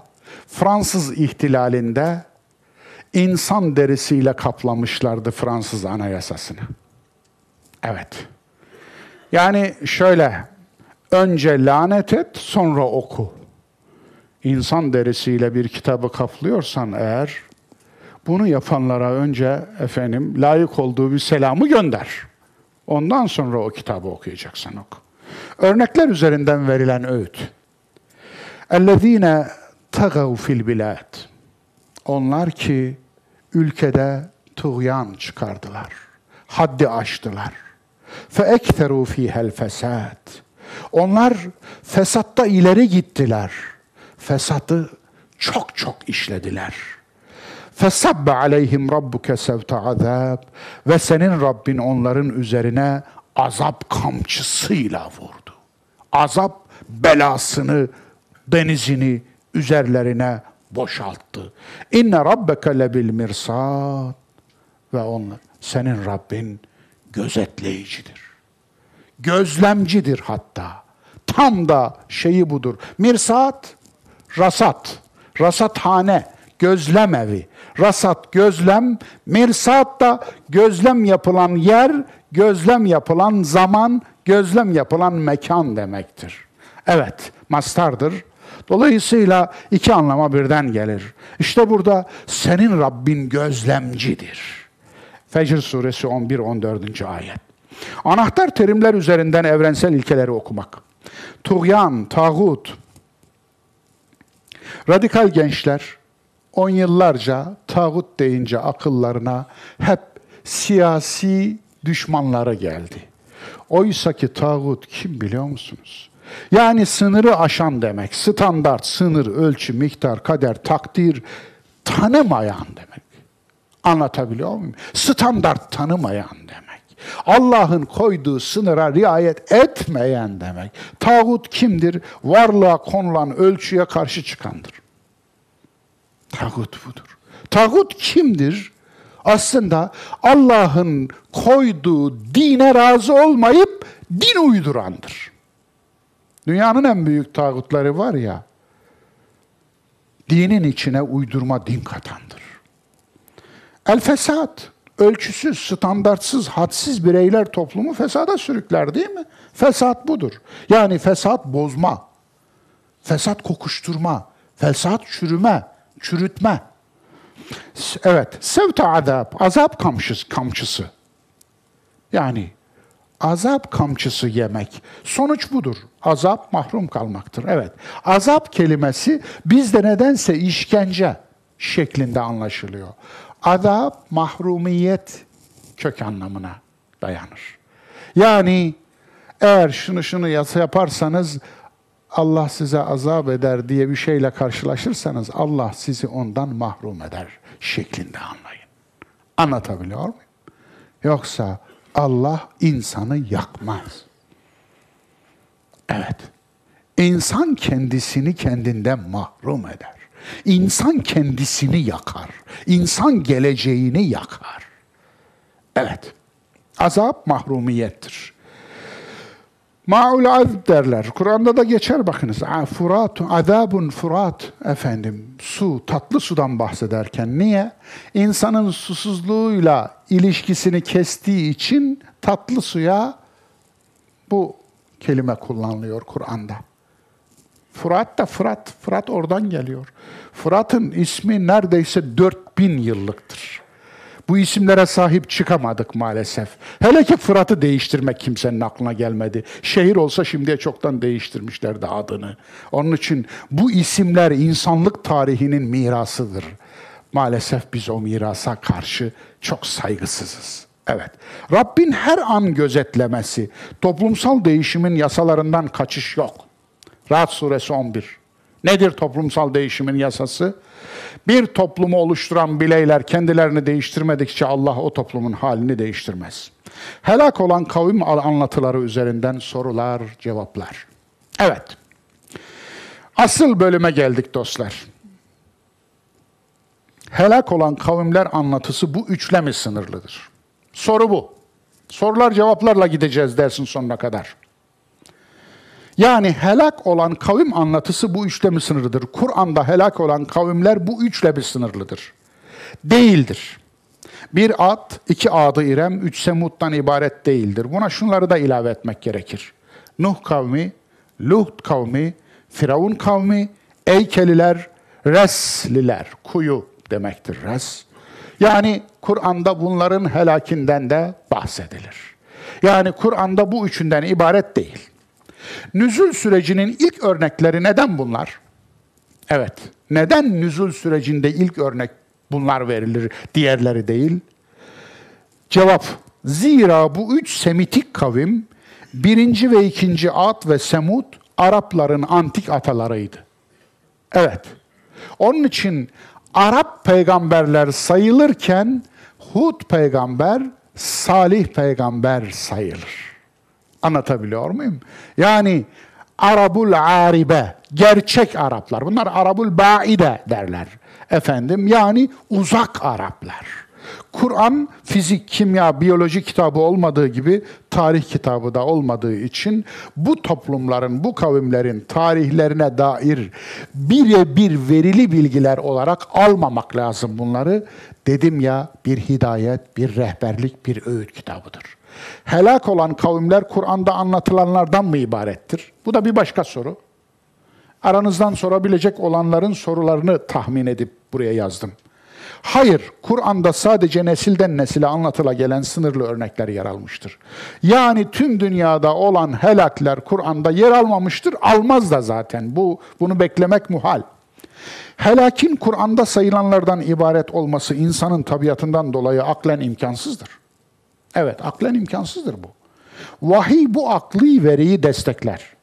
Nuh'tan sonra biz nice uygarlıkları helak ettik. İsra 17. Onlardan önce de sayısız uygarlığı helak ettik. Meryem suresi.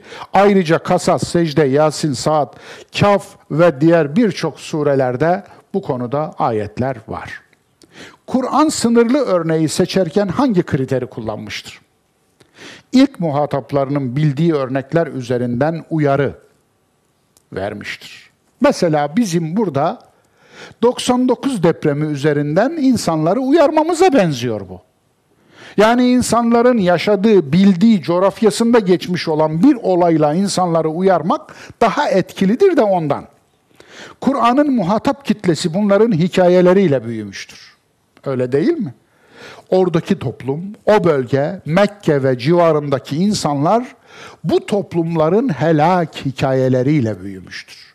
Dolayısıyla Kur'an'da onlara siz de helakini elleriyle getiren bir topluma dönüşmeyin diyor.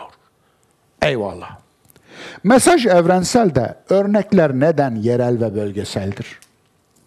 Kur'an ilk muhatap kitlesinin yerel ölü kültürü içine diri ahlaki tohumlar atmaktadır. Evet, burası çok önemli. Mesaj evrensel, örnekler neden yerel ve bölgeseldir? Yani yerel ve bölgesel mesajdan ben niye evrensel öğüt alayım ki? Ben o bölgede doğmadım. Bu hikayelerle büyümedim. Neden bu hikayeler üzerinden bana mesaj versin ki diyorsanız Kur'an ilk muhatap kitlesinin yerel ölü kültürü içine diri ahlaki tohumlar atmaktadır. Evet, böyledir. Ölü toprağın içine tohumu atarsanız tohum dirilir. Onun için Kur'an bizim içimize bir tohum bırakıyor. ibret tohumu. Örnek tohumu. Bu tohumları sulayacak, büyütecek ve bir öğüde çevirecek olan, öğüt ağacına çevirecek olan biziz dostlar. Veya kurutacak, çürütecek olan da biziz. Örnek yerel, ibret evrenseldir. Örnek kültürden ahlaki sonuç dindendir. Ve biz ahlaki sonuç üzerinden gidiyoruz. Kavimlerin helakleri bir mucize midir? Biz büyüklerimizden böyle duyduk. Helaki mucize görmek de ruhbanlarınızın zihinsel ve ahlaki helakidir. Evet, helaki mucize görmek, ruhbanlarımızın zihinsel ve ahlaki helakidir. Helake uğramış ruhbanlarımızın bir belasıdır bu. Helak olsa olsa Kur'an'ın dediği gibi ayet olur. Yani işaret, uyarı belgesi, levha, ibret vesikası, sosyal yasanın göstergesi olur değil mi? Ama mucize gibi İslam kültürüne 350 yıl sonra komşu dinlerden ithal edilen bid'at ve zehirli kavramla izah edilemez. Son versiyondan mealimde bu kavramı çıkarttım. Onlarca kullanıldığım yerden çıkarttım. Dolayısıyla ayet koydum. Kur'an'ın söylediğini söyledim. İnsanlar bu kavramı dinden zannediyorlar. Bu kavrama eğer böyle gerçeği söylediğinde bak bak bak mucizeyi inkar ediyor diyor. Sen ayeti inkar ediyorsun. Mucize deyince tanımla mucizeyi. Mucize nedir deyin. Mucize nedir? Mucize nedir? Şapkadan tavşan çıkaran Allah. Haşa. Peki hiç sünnetullah duydun mu deyin. Sen sünnetullah diye bir şey bilir misin? Allah'ın sünneti var. Allah'ın yasası var. Allah'ın kanunu var. Nedir o diye bir sorun gözünüze bel bel bakacaktır. Evet. Parantez içi. Kur'an'ın mucize sözcüğü, Kur'an'da mucize sözcüğü hiç geçmez. Peygamberimiz ve arkadaşları bu sözcüğü hiç kullanmamışlardır. En ünlü dokuz hadis kitabında, bunu kim için söylüyorum? Dininin kaynağı hadis olanlar için de delilim var yani. Onlara da getiriyorum. Bunu yani bunu onlarla ilgili getirdim buraya. En ünlü dokuz hadis kitabında mucize sözcüğünün geçtiği tek bir hadis yoktur. Konkordans diye bir hadis anahtarları kitabı var. Mucemül Müfehres li elfazıl hadis. Hadis lafızlarının, sözcüklerinin anahtarı. Bu kitabı hazırlayanlar da maalesef Leyden'da, yani bugünkü Lahey'de 150 sene önceki oryantalistler hazırlamışlar. Hala buna alternatif, bunun üstüne bir gram koyacak bir çalışma yapılmamıştır. Dokuz hadis kitabındaki bir kelimeyi sorun kendisine, on binlerce hadis içinde nerede geçiyor o kelime, onun kaynağını gösterir bu kitap, bu, bu kataloglar hazırlanan. Dolayısıyla bir tane mucize kelimesi bulamazsınız. Müslüman kültürüne Süryani kültüründen Hicri 4. yüzyılda ithal edilmiştir. Kur'an'da ayet ayat geçer fakat mucize ile ayet çok farklıdır. Mucize ile ayet arasında ne fark vardır? Mucize aciz bırakmak, köşeye sıkıştırmak demektir. Kelime manası da budur. Zaten mefhumu da budur. Peki ayet belge göstermek, delil sunmaktır.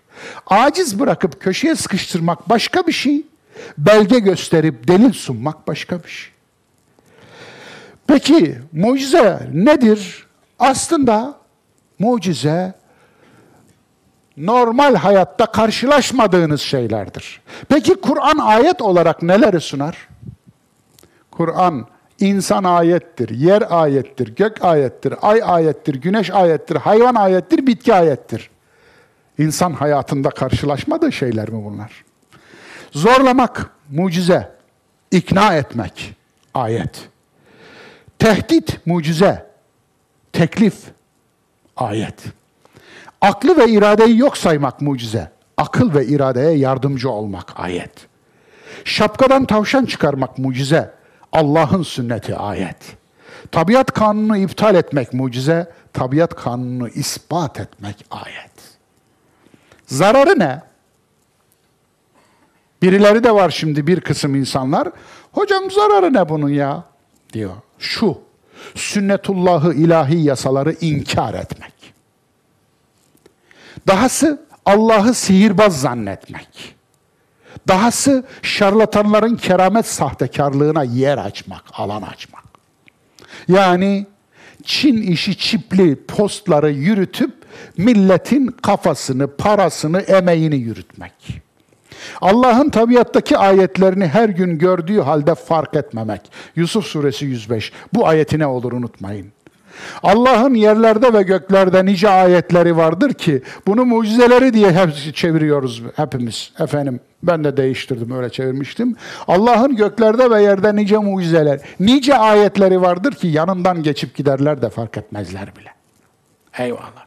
Tabiat yasalarına kör olduğu için bilim, keşif, icat ve bilgiden mahrum kalmak zararı bu. Keşif yapamıyor Müslüman toplumlar. İcat yapamıyor. Niye? Dedim ya Allah'ın yasasına inanmıyor, sünnetullah'a inanmıyor. Düşünebiliyor musunuz?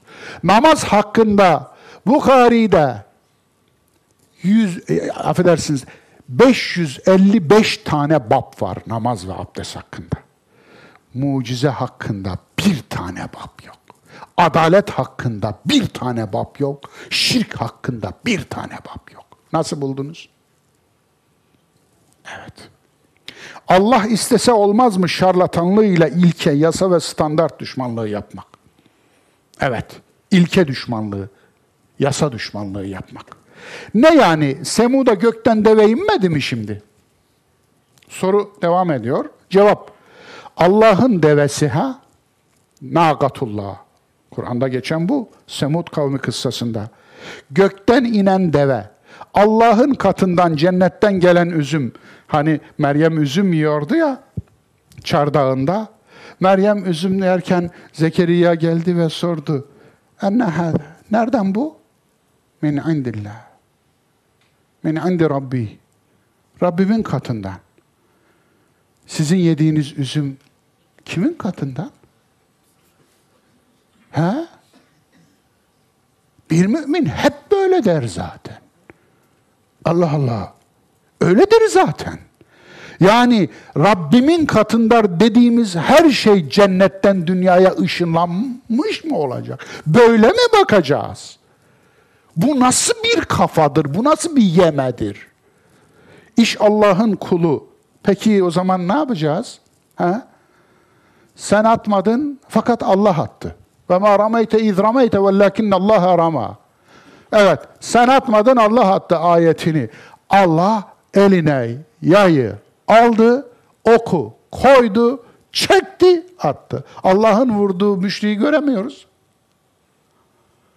Her müşrik, ölen her müşriği kimin öldürdüğü belli. Listede meçhul yok. Hani Allah'ın attı da vuramadı mı?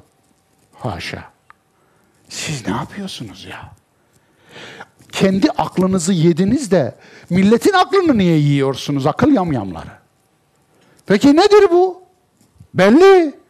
Allah'ın kulu. Abdullah Kur'an'da geçer. Allah'ın arzı. Ardullah. Allah'ın beyti. Beytullah. Allah'ın nebisi. Nebiyullah.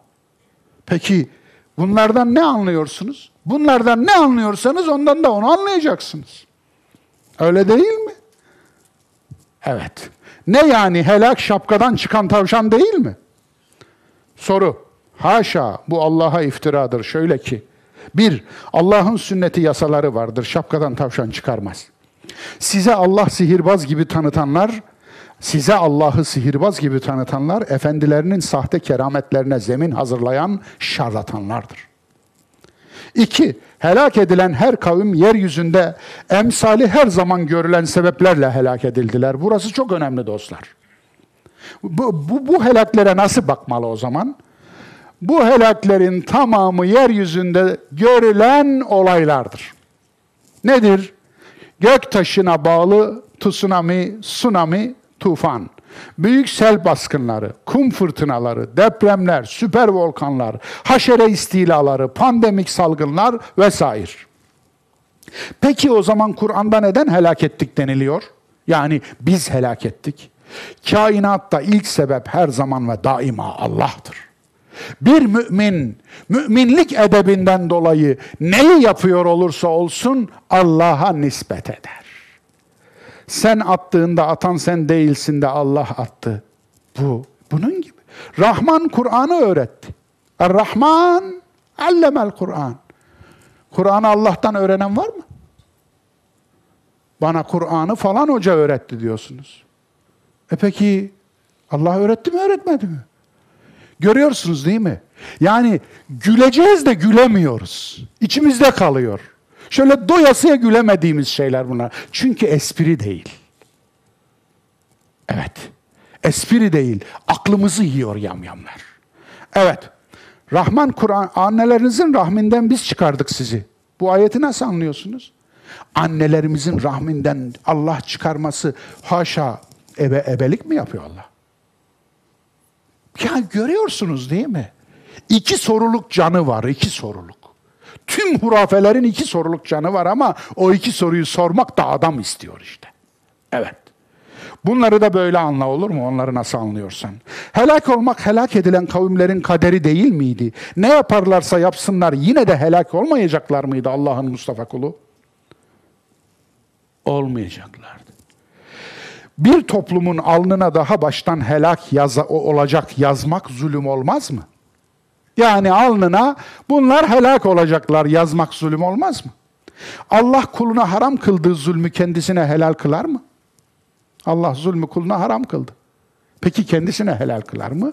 Bunu diyen ve ma ana bi zallamin lil abid benim kullarıma zulmetme ihtimalim yoktur diye ayetler gönderir mi? Bir anne bebeği doğurup sonra da götürüp ateşe atsa hemen cani anne sıfatını yapıştırırsın. Peki bunu kuluna şefkati tüm annelerin toplam şefkatinden daha büyük olan Allah nasıl reva görür? Düşün. O zaman nasıl anlayacağını da düşün. Peki kavimlerin helak sebebi Allah değilse kim ve ne? Kendine kendi tercihleri. Cevap bu. Zulmü içselleştirmeleri, zalime boyun eğmeleri. Al oku. Kasas 59. Ve ma kunna muhlikil kura illa ve ehluha zalimun.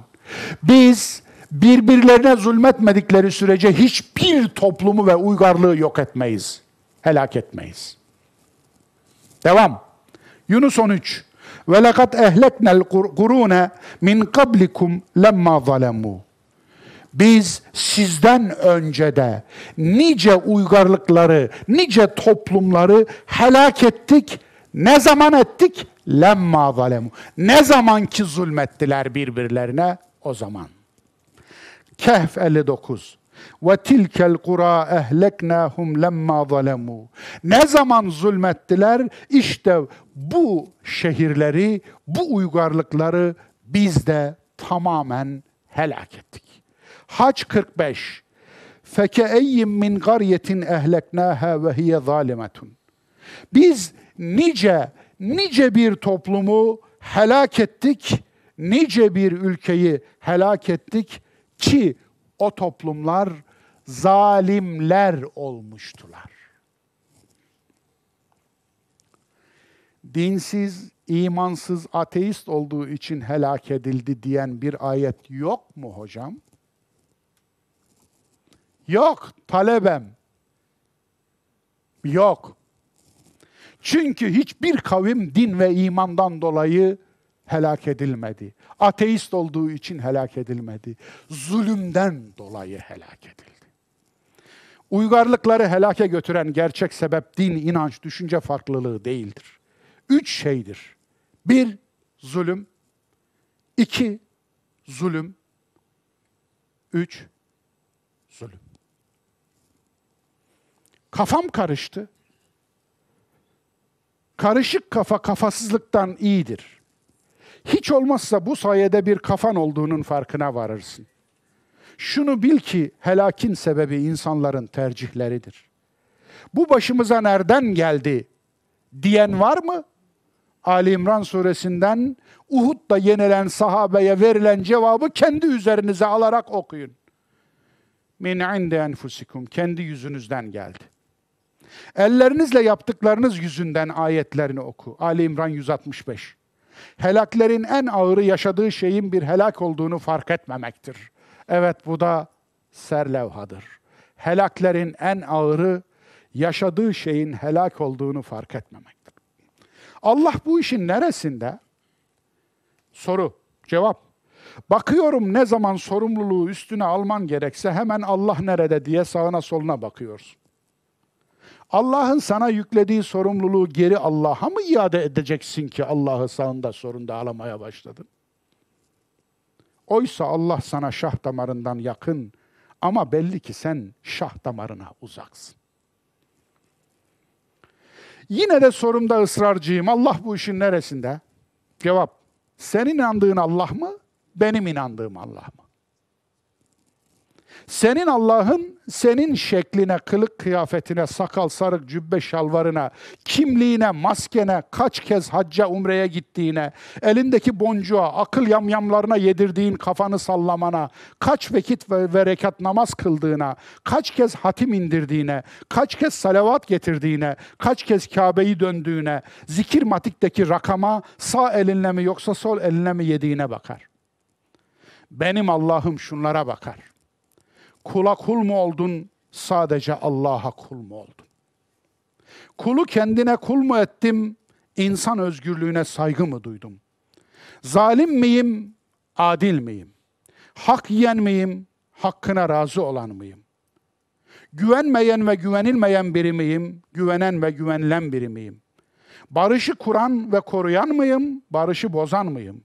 Aklını kullanan mıyım, aklını kirara veren miyim? Allah ile aldatan mıyım, aldatmayan ve emrolunduğu gibi dost doğru olan mıyım? Allah'a din öğreten miyim, Allah'tan din öğrenen miyim? Evet, benim Allah'ım bunlara bakar. Buraya kadar şunu anladım. Zulüm ve kötülük yapan toplumlar Allah'ın yasası gereği helak ile sonuçlanan bir sürece girer. Sonunda helak olup giderler. Doğru mu? Cevap aynen doğrudur. Şunu düzeltelim. Kötülük yapanlar değil sadece, kötülük ve zulüm döngüsüne giren toplumlar. Kötülük döngüsü ne demektir? Şu demektir. Ellerinin değdiği her şeyi ve herkesi kendisine benzeten, iyilerini yiyip sindirerek kötülerin ve kötülüklerin önünü açan, kendisine benzetmediklerine ve boğazından geçiremediklerine ise dünyayı dar edip cehennem kesilen şeytanın ordusu olmuş toplum. Böyle bir toplumun dini, imanı, ibadeti, gücü, ruhbanı, şeytanı, kötülük üretir. Daha çok din ve iman, daha çok kötülük ve zulüm anlamına gelir böyle bir toplumda. Böyle bir toplum daha çok dindarlaşırsa daha çok kötüleşir. Daha iyi olmaz. Çünkü kötülük döngüsüne girmiştir. Onların dinleri kendilerine fenalık emreder. Daha dindar oldu mu daha fenalık emrederler. Ayet Bakara 93. Son bir şeyi merak ettim. Geçmiş kavimler Allah'ın yasası gereği zulüm edince helak sürecine girdiler. Peki bizim içinde yaşadığımız çağda aynı şeyi yapan bir toplum neden helak edilmiyor? Evet, bu soru hoşunuza gitti.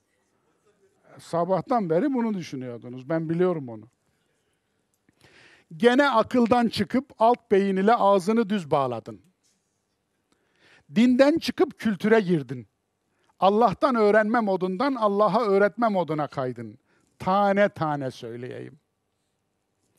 Tutalım ki bizim toplum birbirine zulmeden bir toplum oldu. Helak için gök taşı, tufan, süper volkan şart değil. Hatta her zaman mümkün olan çekirge istilası, pandemik salgın da şart değil. Pandemik salgın var zaten kapıda. Kasırga, süper fırtına ve kürelel, küresel çevre felaketleri de şart değil. Böyle bir toplum haline gelmenin kendisi bir helaktır. En büyük helak, helak olup da bunun farkına varamamaktır. Sözün özü ölüler fark etmez. Acı çekmezler. Ancak diriler acı çekerler.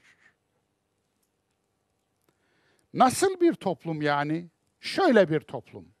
Karşıtının zulmüne feveran edip yandaşının yaptığı zulme sessiz kalan.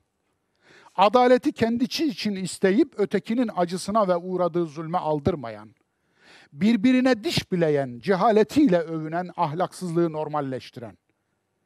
Ehliyetin yerini körü körüne sadakatin, merhametin yerini kin ve intikamın aldığı bir toplum.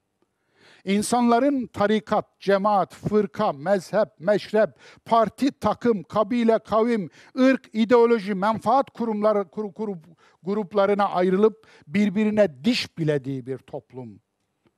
Adaletin felç, aklın tatil, iradenin atıl, vicdanın pasif, kişiliğin kayıp, kalitenin güvenin sıfır, emeğin horlandığı, insanın ve insanlığın öldüğü bir toplum.'' Allah'ın helak ve gazabına uğramış bir toplumdur. Bundan büyük helak mı olur?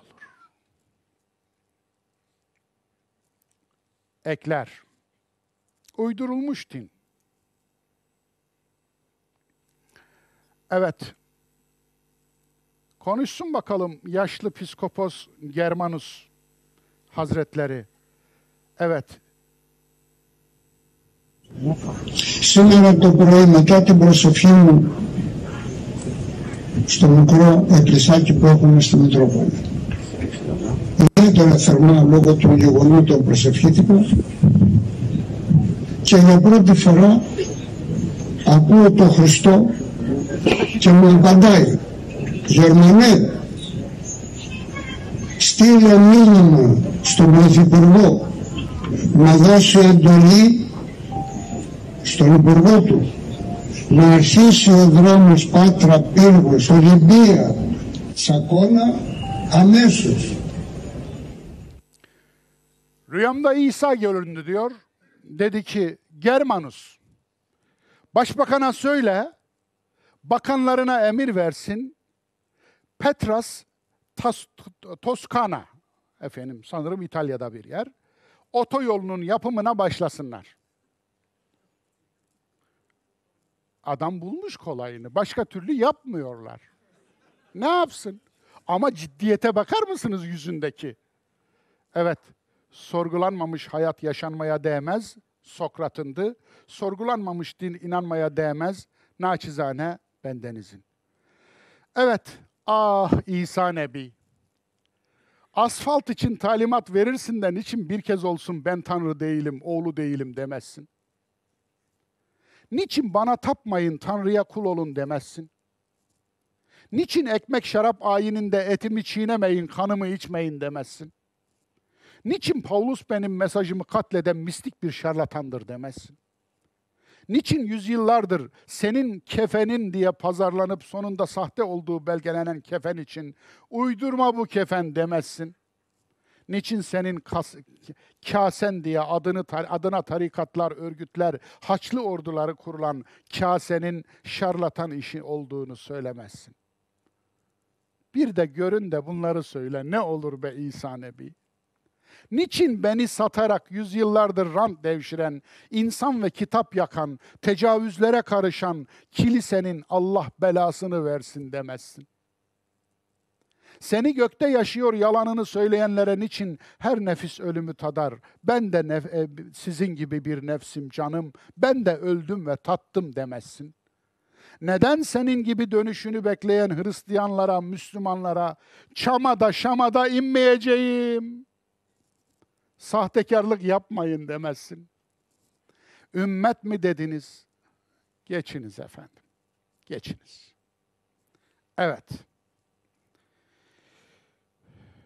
Tavsiye görselim bu. Helak olan kavimlerden bahsetmiştim. Özellikle felaket anlarında insanların içi nasıl dışına çıkıyor? Maskeler nasıl düşüyor? İçlerinde sakladıkları canavarlar nasıl görünüyor? Bu filmde görebilirsiniz. Çok ilginç.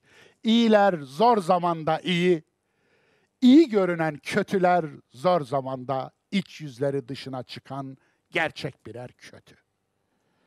Eyvallah. Tavsiye kitap. 20. yüzyıl için 21. ders.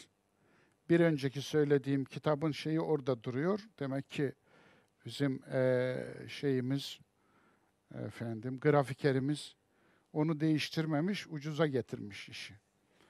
Evet. İyi haber.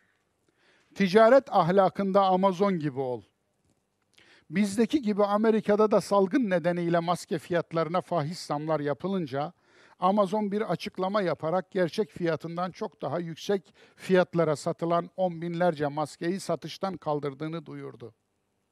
Altta da bir uyarım var Şinasi'ye. Şşt, Şinasi, durma, saldır. Burada iyilik var. Hiç senin olmadığın yerde iyilik olur mu Şinasi? Sonra gülersiniz. Kötü haber. Bunu bir izleyelim. Çin'in nüfusunu göz önünde bulundurunca bu çok çok küçük bir rakam. Ee, tabii ki ama bu Dünya Sağlık Örgütü'nün ilk basın toplantısında da böyle bir cümle söyledi. Ben de kendim çok katılıyorum. Yani bu dikkat ettiğim bunlar rakam değildir. Bunlar candır. Sanırım Çin Büyükelçisi olsa gerek konuşan ama spikerin gafına bakar mısınız? Efendim çok küçük bir rakam diyor. Rakam. Bunlar insan canı. Ama onu düzelten adam da diyor ki karşısındaki Çin Büyükelçisi bunlar rakam değil candır diyor. Bunu söyleyen bir buçuk milyarlık bir nüfusun büyükelçisi, öbürü de spiker. Ne diyeceksin? Söyleyecek bir şey bulamadım. Günün tweet'i.